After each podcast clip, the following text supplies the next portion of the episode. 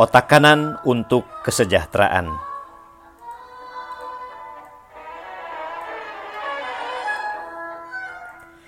Debu beterbangan terbawa angin yang berembus di tengah hari yang terik. Pekerja berseliweran tidak peduli gerahnya hari.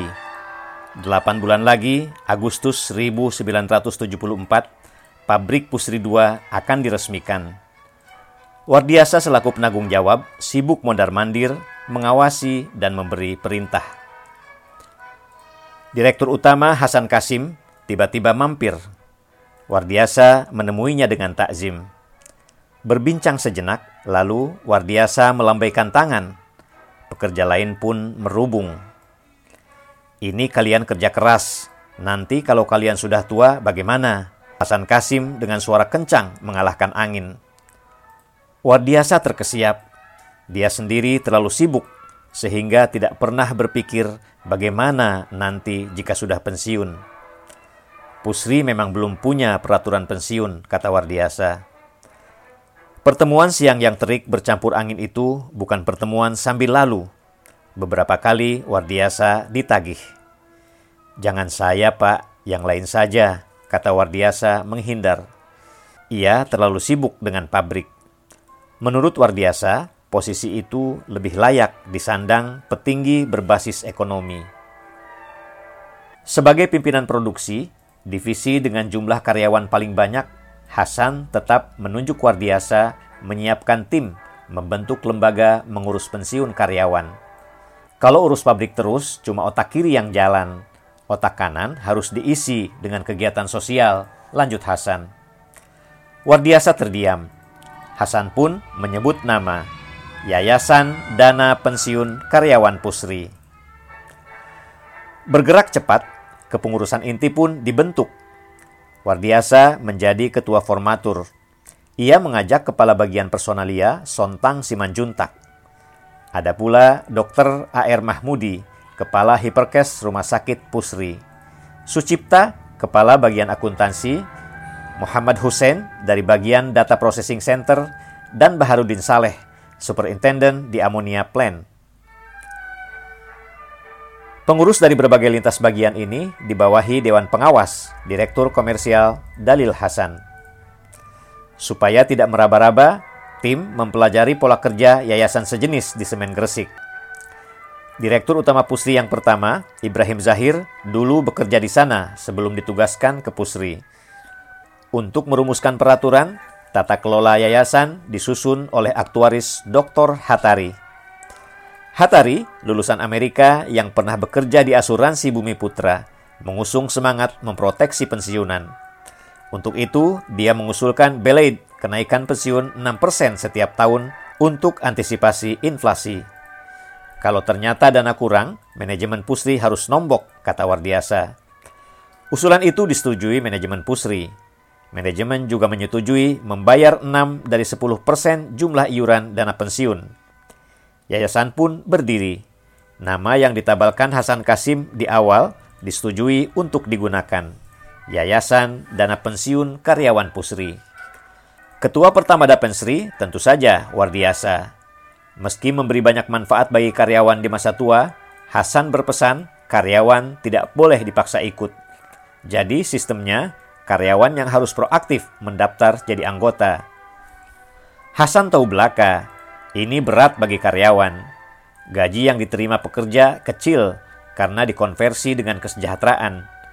Karyawan diberi sembako, perumahan, serta transportasi.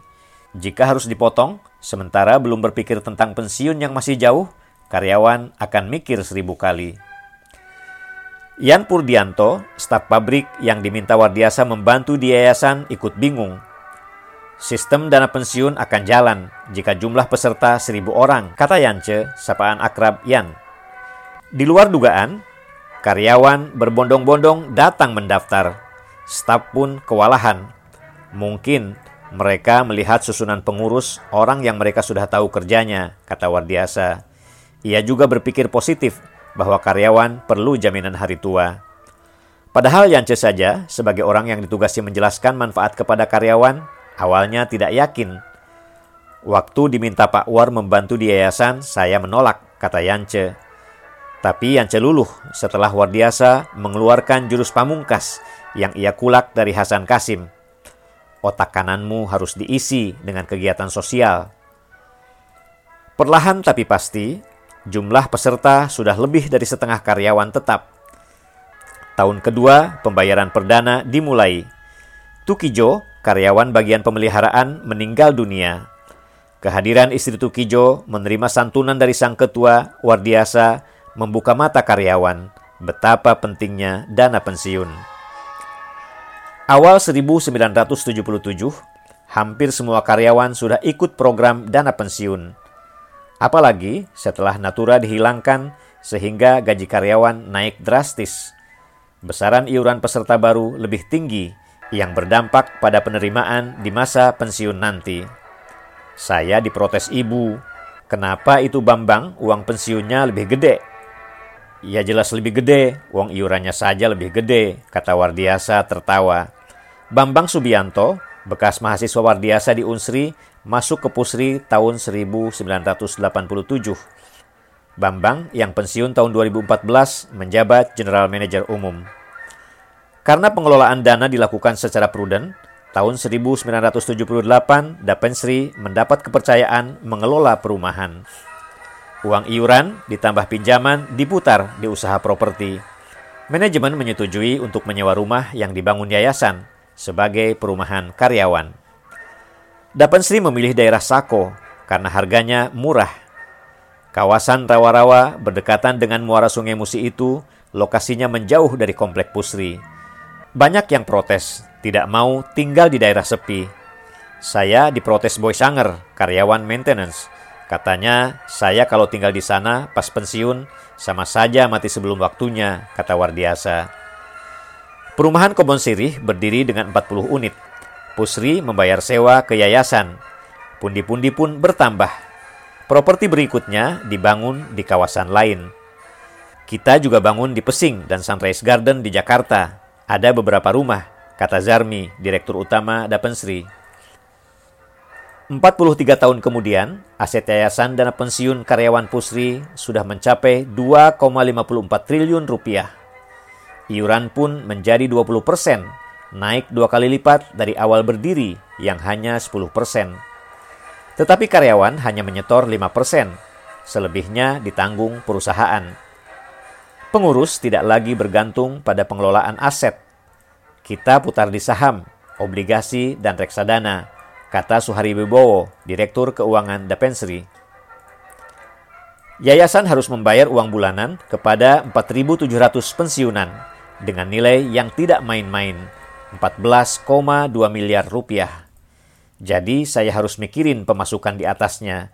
Alhamdulillah, trading bulanan menghasilkan 16 sampai 18 miliar rupiah. Lanjut Suhari. Tetapi dari 2000 karyawan yang masih aktif, tinggal 900 orang yang ikut Dapensri. Sejak Desember 2015, urusan pensiun masuk dalam skema Program Pensiun Iuran Pasti atau PPIP.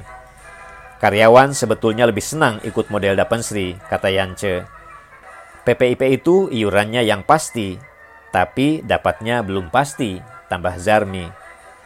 Soal kesejahteraan memang menjadi concern Hasan Kasim. Jauh sebelum ramai istilah CSR, Corporate Social Responsibility, Pusri sudah menjalankannya. Namanya Bina Wilayah. Pusri membeli tanah di Siolo, Sungai Buah seluas 5,6 hektar yang dimanfaatkan untuk beternak sapi dan ayam. Pekerjanya masyarakat sekitar pabrik. Hasilnya dibagikan untuk masyarakat dan pekerja pabrik. Pegawai yang kebagian shift dapat telur dan susu, kata Wardiasa. Tidak hanya urusan susu dan telur, Bina Wilayah meluas ke masalah pendidikan. Selain untuk kebutuhan anak-anak karyawan, sekolah Pusri juga bisa untuk warga sekitar. Yayasan Sosial Pendidikan Pusri, YSPP, awalnya mendirikan TK dan SD saja untuk anak-anak karyawan. Supaya karyawan tenang bekerja, gak usah susah-susah antar anak ke kota. Naik oplet kan sulit waktu itu, kata Zulfa Gani, Ketua Yayasan Kesejahteraan Karyawan Pusri. YKKP mengurus masalah pendidikan, kesehatan, dan kesejahteraan karyawan. Rumah sakit PT Pusri Geraha Medika termasuk di bawah kendali YKKP. Sekolah Pusri terkenal dengan ekstrakurikuler marching band. Tidak hanya acara-acara di Palembang, marching band Pusri pernah tampil di istana mengisi acara parade senja. Pusri juga pernah menggagas festival marching band se-Indonesia. Tidak hanya untuk kesejahteraan, Dapensri kini menjadi rumah batin para pensiunan Karyawan yang pernah berbakti untuk kemajuan industri pupuk masih memiliki ikatan batin dengan perusahaan. Berkat dana pensiun yang jumlahnya naik setiap tahun, kesejahteraan mereka tetap terjaga di masa tua. Mereka juga berkumpul secara guyub dalam perkumpulan pensiunan karyawan Pusri yang rutin beracara termasuk rapat kerja tahunan.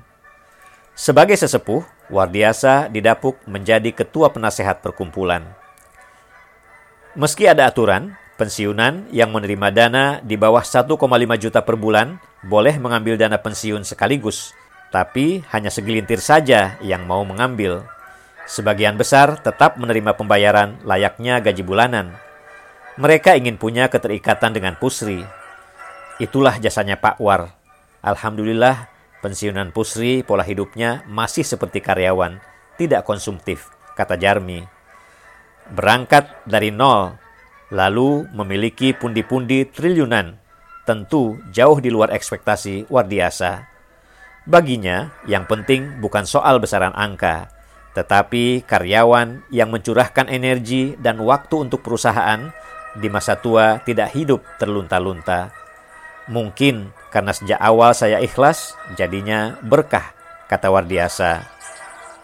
Pesan Hasan Kasim pun kembali terngiang. Otak kananmu harus diisi, dan itu bisa menyejahterakan banyak orang. Kini terbukti.